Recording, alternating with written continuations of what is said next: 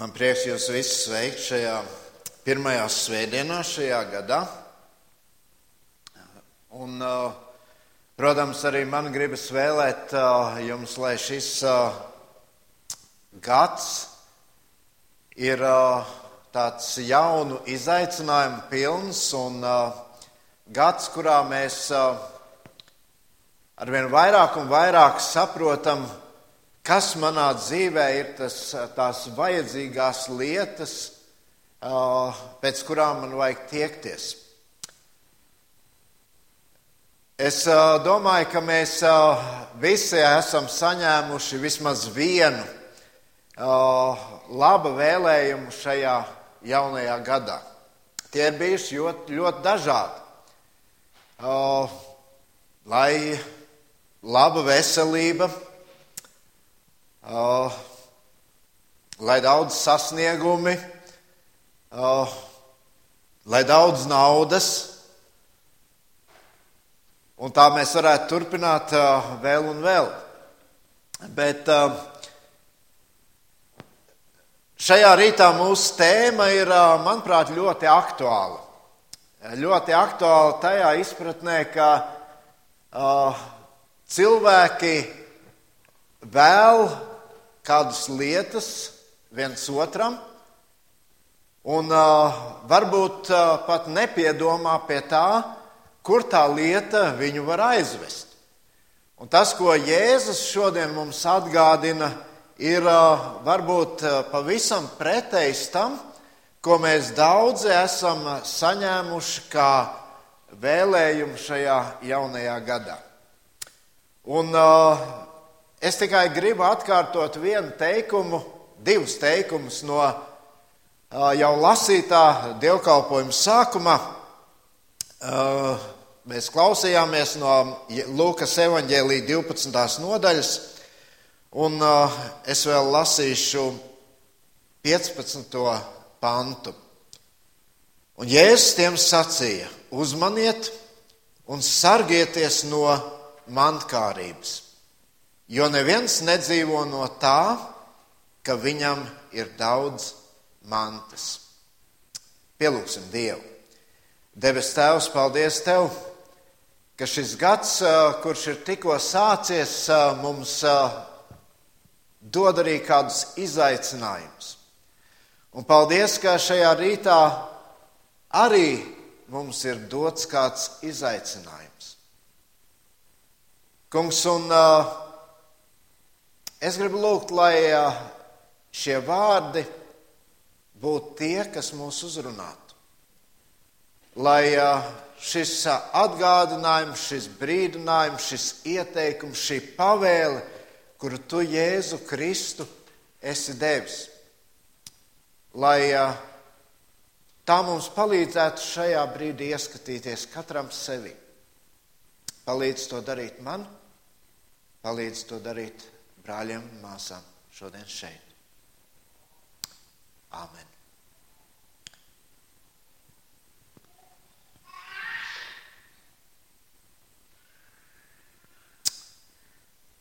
Tāda interesanta tēma, kā jau sacīju šo gadu sākot. Bet, manuprāt, ļoti, ļoti aktuāla tēma. Būtībā jaunais Bībeles tulkojums šo vārdu pagriež nedaudz savādāk, un tas skan tā, pielūkojiet, sargieties no jau kādas mantrausības. Pat pārpilnībā cilvēks nedzīvo no, tam, no tā, ka viņam daudz kas pieder. Ja mēs tā mēģinām salīdzināt kaut ko ar mantkārību, tad man par to domājot, man to gribētos salīdzināt, salīdzināt ar vēlmi, kad mums ļoti slāpst, mums ļoti gribas padzerties, un mēs to mēģinām izdarīt ar jūras ūdeni. Un, uh, mēs jau zinām, ko nozīmē dzert uh, jūras ūdeni, kurš ir ļoti saļš. Un, ja mēs domājam par šo parādību, par ko Jēzus šeit runā un no kā viņš mūs aicina uzmanīties, tad mēs šodien varam teikt diezgan droši, ka lielā mērā šī kārība ir aptvērusi pilnīgi visu sabiedrību. Un arī kristieši jau nav izņēmums. Bet, ja mēs gribam apskatīties tā vēsturiski, tad sākums tam ir tajā brīdī, kad cilvēks sāka noraidīt dieva likumus, kad cilvēks sāka tās savas vēlmes un šo savu vēlmju piepildīšanu uzskatīt par augstāko vērtību, par vērtību, kuru noteikti ir jāpiepilda, kuru noteikti ir jāiegūst. Un to mēs varam redzēt jau pie pirmajiem cilvēkiem. Atcerieties, Ādams un Ieva, paradīzes dārzs, Dievs ir teicis, viss ir labs. Dzīvojiet, izbaudiet šo dzīvi. Un, tu, un tur ir tikai šis viens koks, ko Dievs teica, tam netuvojieties. No tā augļiem nēdiet. Un kad Ādams un Ieva ēda no šī aizliegtā koka augļiem, tad beigu beigās viņi tomēr saprata, ka viņi nav saņēmuši to, ko viņi bija cerējuši. Viņi cerēja, bet ieguva pavisam kaut ko citu. Ieguva divas lietas - kaunu un bailes.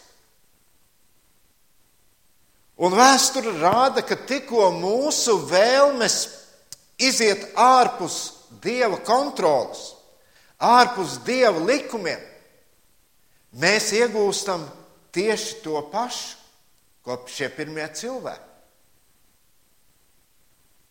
Un mēs it kā to ļoti labi zinām, un mēs varētu dzīvot, baudīt šo dzīvi, būt pateicīgi ar to, kas mums ir,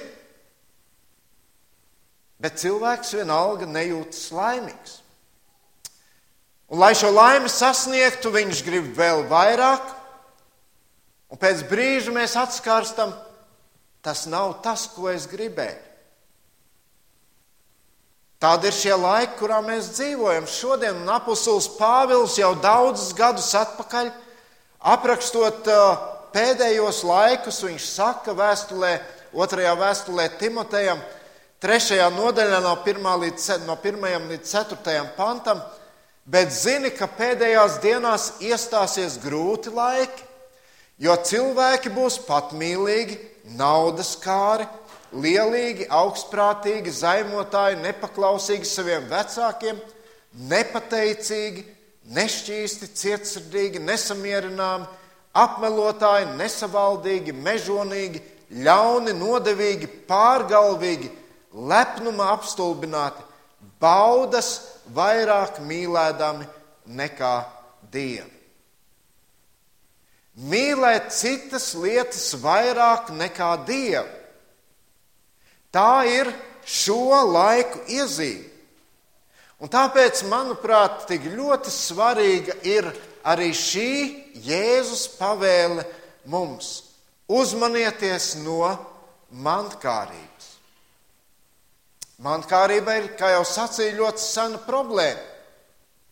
Visos gadsimtos cilvēki ir centušies pēc materiālām, vērtī, ir centušies materiālām vērtībām piegriezt daudz lielāku uzmanību nekā tā ir. Un īpaši jau mūsu laikmets ar to ir iezīmīgs.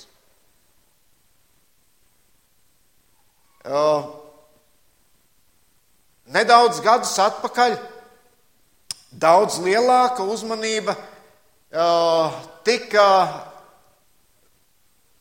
vērsta un cilvēki tika mudināti, vajag krāt. Vajag krāt, netērēt visu, Šodien uzsvars ir uz to, ka vajag tērēt. Un vajag tērēt to, kas varbūt tev nemaz nepieder. Tāds laiks, kurā mēs dzīvojam. Kādreiz pie Jēzus atnāca viens cilvēks un lūdza Jēzu, palīdzi man atrisināt manu mantojumu problēmu. Palīdzi atrisināt to, lai brālis dalās ar mani mantojumu. Un te nu mēs redzam vienu no nedaudzajiem lūgumiem, ko Jēzus neapmierina. Cilvēks prasa pēc taisnības. Brālis ir piesavinājies visu, un tu taču vari iejaukties. Tu vari palīdzēt, tu taču esi Dievs. Bet Jēzus to nedara. Tā vietā viņš pasaka šos vārdus: pielūkojiet, sargāties no jebkādas jau kādas mantrausības. Un tad tālāk, manuprāt, ir ļoti svarīgi vārdi, ko Jēzus saka, pat pārpilnībā cilvēks nedzīvo no tā, ka viņam daudz kas pieder. Ko Jēzus ar to grib pateikt? Manuprāt, Jēzus ļoti skaidri pasaka, ka tavas un manas dzīves kvalitāte nav atkarīga tik, atkarīga tik lielā mērā no materiālām lietām, kas mums pieder, kā tev šķiet. Un es gribu, es gribu ticēt, ka mēs visi to saprotam, ka laime jau nav naudā vai lietās, kas mums pieder. Bet tajā pat laikā, ja mēs esam godīgi. Un es domāju, svarīgi ir būt godīgiem vispirms pašiem pret sevi. Mēs visi gribam, lai tā vai tā lieta mums piederētu, lai tas vai cits mums būtu vairāk. Jēzus brīdina, sargieties no mankārības. Un, manuprāt, tas ir tāds ļoti labs brīdinājums mums sargāt sevi no šīs materiālisma ideoloģijas šajā pasaulē. Un, lai saprastu, kā to darīt, es vēlos, ka mēs mirkli padomātu par vārdiem, ko Pāvils raksta Timotejam. Un viņš pirmajā vēstulē Timotejam 6. nodaļā no 6. līdz 12. pantam saka, bet liels iegūms ir dievbijība ar pieticību. Jo mēs neko neesam ienesuši šajā pasaulē un neko nevaram arī iznest. Ja vien ir iztika un apģērbs, ar to mums būs diezgan. Bet kas grib iedzīvoties bagātībā, tie krīt kārdināšanā, lamatās un daudzās bezprātīgās un kaitīgās iegribās. Tas viss iegrūž cilvēku postā un pazušanā, jo visu ļaunumu sakne ir alkatība. Pēc naudas tiekdamies, dažs ir nomaldījies no ticības un daudzkārt sagādājis sev asas sāpes. Bet tu, Dieva cilvēku, no tā visa beidz. Dzenies pēc taisnības, godbijības, ticības, mīlestības, izturības, lēnprātības. Cīnies labo ticības cīņu, turi cieši mūžīgo dzīvību, uz ko tu esi aicināts. Ja jūs uzmanīgi klausījāties, manuprāt, Pāvils šeit dod ļoti skaidru definīciju tam, kas ir mankārība. Pāvils saka, gribēt iedzīvoties bagātībā. Kaut gan mēs visi to saprotam, ne jau bagātība dod laimi. Tev vajag vēl un vēl, un tad tu vairs nespēji apstāties, ja tavs uzstādījums ir ka laimīgs būsi tad, kad tu būsi piepildījis visas savas vēlmes. Un Pāvils saka, ka tas ir līdzīgi, kā tu vari iekrist šajās lamatās. Kāpēc to ir tik viegli izdarīt? Tāpēc, ka šodienas cilvēkam ļoti gribās, nu, kā vienkārši šodien tautā runā, izskatīties krūti. Mums svarīgs ir mūsu prestižs, kā citi uz mums skatīsies. Ir svarīgs, un mūsos katrā ir šī vēlēšanās, lai cilvēki mums pievērstu uzmanību. Un, protams, tur ir arī šis spiediens no apkārtējiem, kad uh, visiem ir. Un mums liekas, nu kā tad es atpalikšu? Man arī vajag. Un tas cilvēkus un daudzus cilvēkus šodien iegrūž šajā postā. Cilvēki kļūst par daudzu lietu vergiem. Bet saprotiet, pareizi, nav jau nekādu problēmu, ja tev ir. Un varbūt tu nopērci kādu lietu. Un problēma, problēma ir tajā, ka tev nav, un tad tu gribi. Un tad tu gribi to, ko varbūt tev nemaz nevajag. Es lasīju kādu interesantu gadījumu par kādu amerikāņu kompāniju, kurā domāja, izdomāja pamest Ameriku, pārcelt savu ražotni uz kādu citu valsti, un viņi izvēlējās vienu no nabadzīgākām valstīm. Uzcelt rūpnīcu, nolikt strādniekus, diezgan labi maksāja priekš tās valsts. Bet tad šī kompānija saskārās ar vienu problēmu. Cilvēki atnāca uz darbu, viņi pastrādāja pāris dienas, saņēma algu un uh, pateica tā. Aizgāja dzīvot vienkārši savu ierasto dzīvi. Viņiem pietika. Un rūpnīcas vadība bija izmisumā. Labi, vēl varēja paņemt kādus citus cilvēkus, bet cik ilgi? Viņi ir jāapmāca. Un tad šī rūpnīcas vadība izdomāja tādu viltību. Viņai katram strādniekam uzdāvināja dāvanu. Un šajā dāvanā bija viena grāmata. Un šī grāmata bija tāds biezs preču katalogs. Šie cilvēki aizgāja mājās, redzēja tur šīs daudzas lietas, tur visur cenas klāt. Tas viņiem bija stimuls, mums jānopelna. Mums jānopelna, mēs gribam šīs lietas.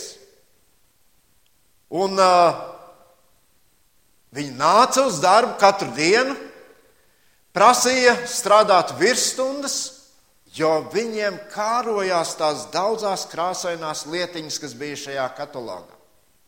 Redziet, cilvēki dzīvoja laimīgi, viņi bija apmierināti ar to, kas viņiem bija, un tad piezogas kaut kas tā nemanām, ka tev gribas. Pāvils saka, mankārība ir ļaunums, kuras sakne ir alkatība, un tas tevi novirza no patiesas, laimīgas dzīves. Tas tevi novirza kā kristieti no ticības Kristu. Pāvils vēstulē romiešiem saka tā: terpieties kungā Jēzu Kristu un rūpēs par miesīgo neizdabājiet iekārē. Pāvils kolosiešiem 3, 5, 6 saka: nomērdējiet sevī to, kas jūsos pieder zemē, netiklību, nešķīstību, kaisli, samaitāto iekāri un mantkārību, kas ir elgdevība. Tā visu dēļ nāk dieva dusmas pār nepaklausības bērniem. Un mēs varam teikt, ka materiālo vēlmju apmierināšana šajā pasaulē ir kļuvusi par savu veidu reliģiju. Un tam ir milzīgi daudz sekotāju. Un tāpēc Bībele brīdina uzmanieties no tiekšanās pēc tās, lai tas nekļūst par tavu dievu, ko tu pielūdz. Tā ir šodienas modernās pasaules nelaime, ka lietas, materiālās vērtības ieņem dieva vietu. Cilvēki domā, ka iegūstot šīs lietas, viņi iegūs laimi. Bet tā nav. Pāvils saka, liels iegūms ir dievbijība ar pieticību. Mantkārības pamatā ir neapmierinātība.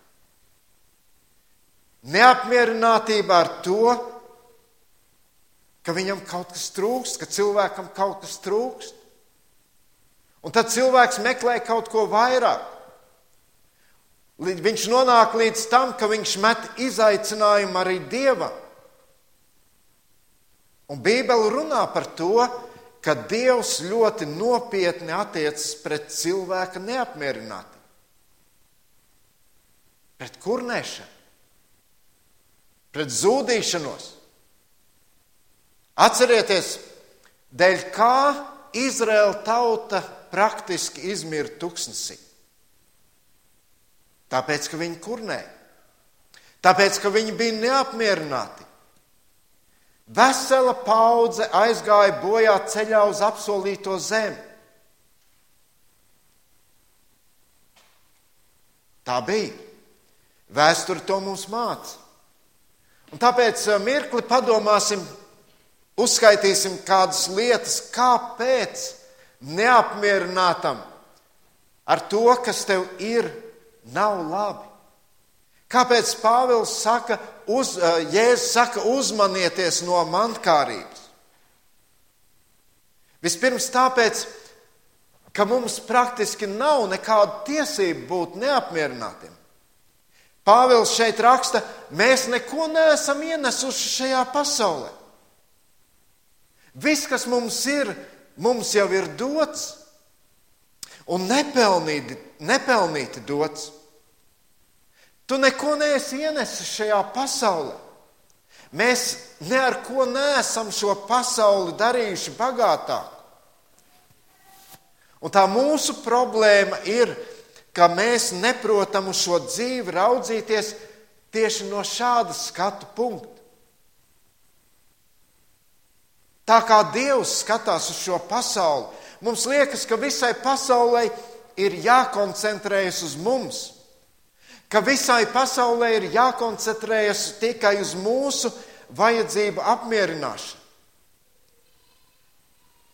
Es vēlreiz atgriezīšos pie Izraēla tautas. Izlasīsim, kas notika ar viņiem. Psalmists saka, 106. psalmā. Viņš saka, viņi nepriecājās par skaisto zemi, viņi neticēja viņa vārdam, bet kurnēja savā teltīs un nepaklausīja tā kunga balsī. Un kas notika? Tad viņš pacēla pret viņiem savu roku, lai viņus nomaitātu tuksnesī, lai nomaitā, nomāktu viņus tautu starpā un viņus izkaisītu pa dažādām zemēm. Atcerieties, Dievs apsolīja Izraēla tautai labāko zemi. Zemi, kur piens un medus tek. Dievs apsolīja to tautai, kurai nekas tāds nebija. Viss, kas viņiem bija, tas bija viņu vergu darbs, kur viņi mīcīja mālus dedzināja ķieģeļus, un te Dievs viņiem dod zemi, labāko, kur visa kā ir gan. Viņi aiziet, viņi kurn, saka, ai, tas nav tas, ko mēs cerējām, tas nav tas, ko mēs gribējām. Un tagad mēģiniet padomāt par mums. Vai tas nav šodienas sabiedrības apraksts? Mūsu zemē, kurā mēs dzīvojam, brīnišķīgā zemē, Mūsu dzīves līmenis ir tāds, par kuru kādreiz cilvēki varēja tikai sapņot. Bet šodien ir tik maz apmierinātu cilvēku. Otrakārt, Bībelē mēs varam lasīt, ka būt neapmierinātam, kurnētam, tā ir neprātība. Mēs neko neesam ienesuši šajā pasaulē, un neko mēs nevaram iznest. Tās lietas šajā pasaulē ir īslaicīgas priekš mums, un viņas visas paliks šajā pasaulē. Tu tos ne, tās nepaņemsi līdzi. Tām lietām nav šīs mūžīgās vērtības. Un meklēt laimi, apmierinājumu tikai lietās un materiālās vērtības ir muļķi.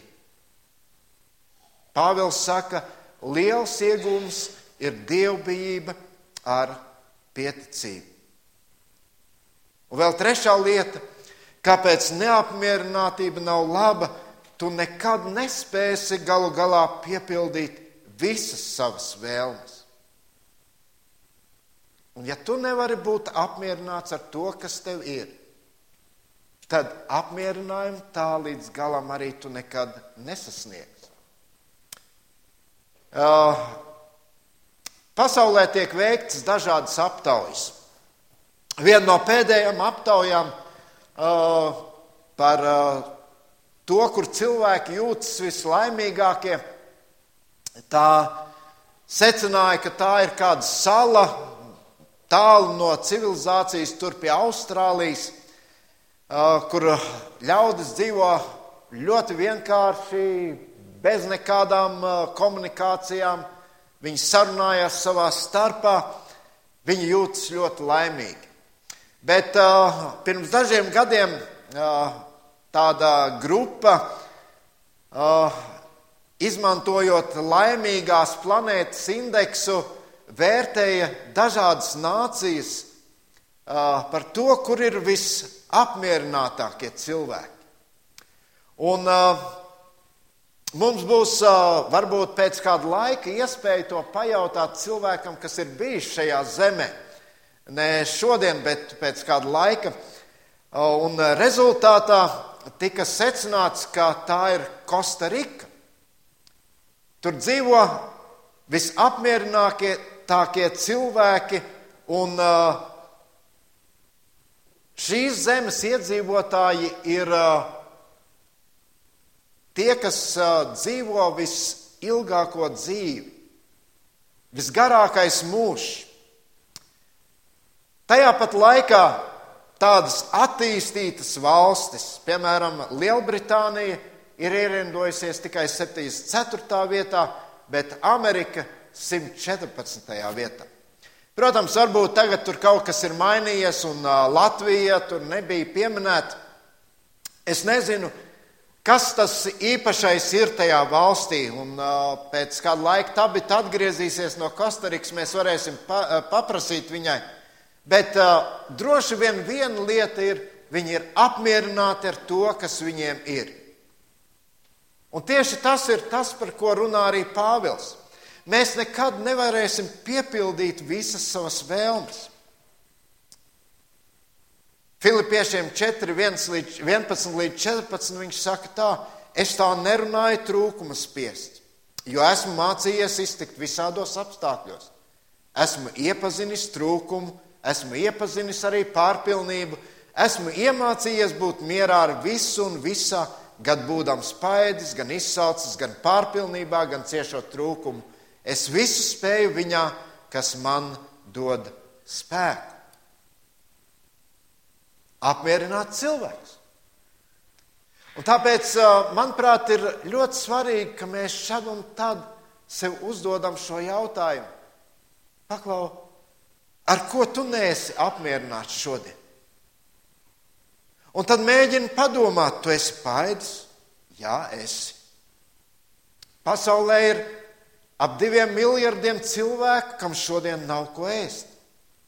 Mums ir drēbes jumts virs galvas, miljardiem tā nav. Un, mīļie draugi, man liekas, viss iesākas ar to, ka mēs ieraugam tās elementārās lietas, kas mums ir. Un tad mēs sakam, paldies Dievs, ka mums tas ir. Mēs esam pateicīgi Dievam par to. Un tad tu vēl redzi, ka tev ir daudz vairāk nekā tev vajag. Tev ir ar ko braukt, tev ir ar, par ko atpūsties, un vēl daudz, daudz citas lietas. Tev ir arī ar ko iepriecināt citus. Kāpēc mēs neesam apmierināti? Un te mēs nonākam pie tā, ka neapmierinātība rodas ne no tā, kas mums nav, bet no tā, kas ir mūsu sirdīs. Bet kas grib iedzīvoties bagātībā? Tie krīt kārdināšanā, lamatās un daudās bezprātīgās un kaitīgās iegribās. Tas viss iegrūž cilvēku postā un pazušanā, jo visu ļaunumu sakne ir alkat, alkatība. Jēzus saka, sargāties, sargieties no jebkādas mantrausības. Un Pāvils māca par sekām, ko, tas, ko tās rada. Ja mēs neesam apmierināti, ja mēs kurnam un pukstam par visu, tad tā neapmierinātība mūs ieved šajās kārdināšanās, lamatās un daudzās bezprātīgās un kaitīgās iegribās. Un mums ir grūti pret to cīnīties. Cilvēks tiek ierauts tādā kā centrifugā, no kuras ir grūti, grūti izkļūt.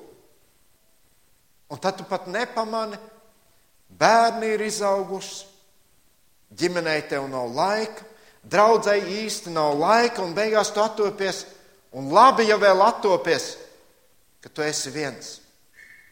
Viss ir sabrucis. Arī to, kas tev ir bijis, arī tas tev vairs nav.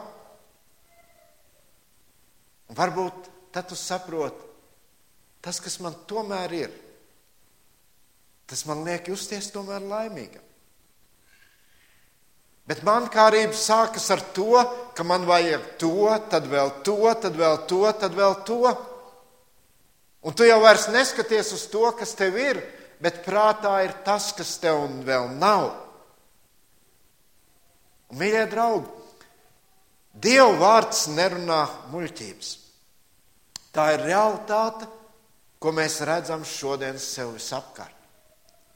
Tas, kas te ir rakstīts, ko mēs lasījām, ko Pāvils saka, to mēs, tas viss notiek mūsu acu priekšā. Cilvēki tiek iegrūsti postā un pazušanā. Un nevelti mantkārība ir likta vienā rindā ar lietām, kuras mums liekas paši par sevi, sevi ka tās ir sliktas. Efeziešiem mēs lasām, bet netiklība, visādu veidu netīra dzīve vai mantkārība, lai pat vārda pēc jums ir sveša, kā tas svētiem piedaras. Un tālāk 5,5. Jo to iegaumējiet nevienam netiklim, netīram vai mantrausim, tas ir elku kalpam, nav vietas Kristus un Dieva valstībā. Mēs lasījām kolosiešiem trīs: nomērdējiet sevi to, kas jūsos pieder zemē, netiklību, nešķīstību, kaisli, samaitāto iekāri un mankārību, kas ir elgdievība. Tā visa dēļ nāk dieva dusmas par nepaklausības dēliem. Redziet, Mums varbūt liekas, nu kas tad tur kaut ko iekārot, pēc kaut kā tiekties. Bet ja tas ieņem galveno vietu tavā dzīvē, ja tas kļūst par tavu dievu, ko tu pielūdz, tad Jēzus saka, tā ir nopietna lieta, no kuras es gribu tevi šodien brīdināt. Un Dieva vārds mums atgādina par sekām, ko nes sev līdzi tas, ja mūsos ir šī Dieva pielūgšana. Lai no tā izvairītos, veltiet savu dzīvi Dievam. Pāvils par to runā. Viņš saka, bet tu Dievu cilvēku no tā visa bēdz.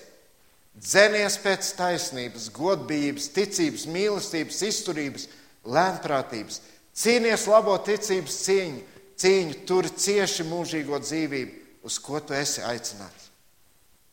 Redziet, lai no tā izbēgtu, pēc kaut kā ir jādzenās, pie kaut kā ir cieši jāturās. Un Bībele vairāk kārt atgādina, mācies būt pateicīgs Dievam par visu. Un ja tev Dievs dod, lieto to, esi pateicīgs. Pateicies par to, kas tev ir. Un atceries Jēzus Kristus vārdus, kurus viņš saka Kalnu svētrunā. Dzenieties pa priekšu pēc Dieva valstības un viņa taisnības, tad jums visas pārējās lietas tiks piemestas. Dievs zina, kas man ir vajadzīgs. Dievs zina, kas jums ir vajadzīgs. Un mēs neko nevaram sev pielikt, ne atņemt. Viss ir Dieva ziņā. Un es ticu, ka ja tu saliec šīs prioritātes savā dzīvē, kam ir jābūt pirmajā vietā, tad Dievs arī mūs svētī un dod visu nepieciešamo. Lai Dievs palīdz, ka šajā gada sākumā pārdomājot šos vārdus, šos brīdinājumu vārdus, Uzmanieties no mankārības. Mēs katrs sevi šajā brīdī arī varam pārbaudīt un uh, būt pateicīgi par to, kas mums katram ir. Lūksim Dievu. Debes Tēvs, tu redzi mūs. Un uh, es tev no visas sirds gribu pateikties, ka mēs dzīvojam Tādā vietā un tādos apstākļos, par ko daudzi sapņo. Un, kungs, lai arī šis apstākļis, šī dāvana no tevis, liek mums padomāt par to, no kā tas viss nāk, kas mums visu to dod. Debes Tēvs, es tev no visas sirds pateicos, ka Tavs vārds atgādina lietas, Tavs vārds brīdina mūs no lietām. Tavs vārds uh, liek mums pievērst uzmanību kādām uh, situācijām mūsu dzīvē, un Tavs vārds arī parāda lietas, kur mēs varam kādus, kaut ko darām nepareizi Un paldies, ka tu mums dod vēl laiku un iespēju kaut ko mainīt.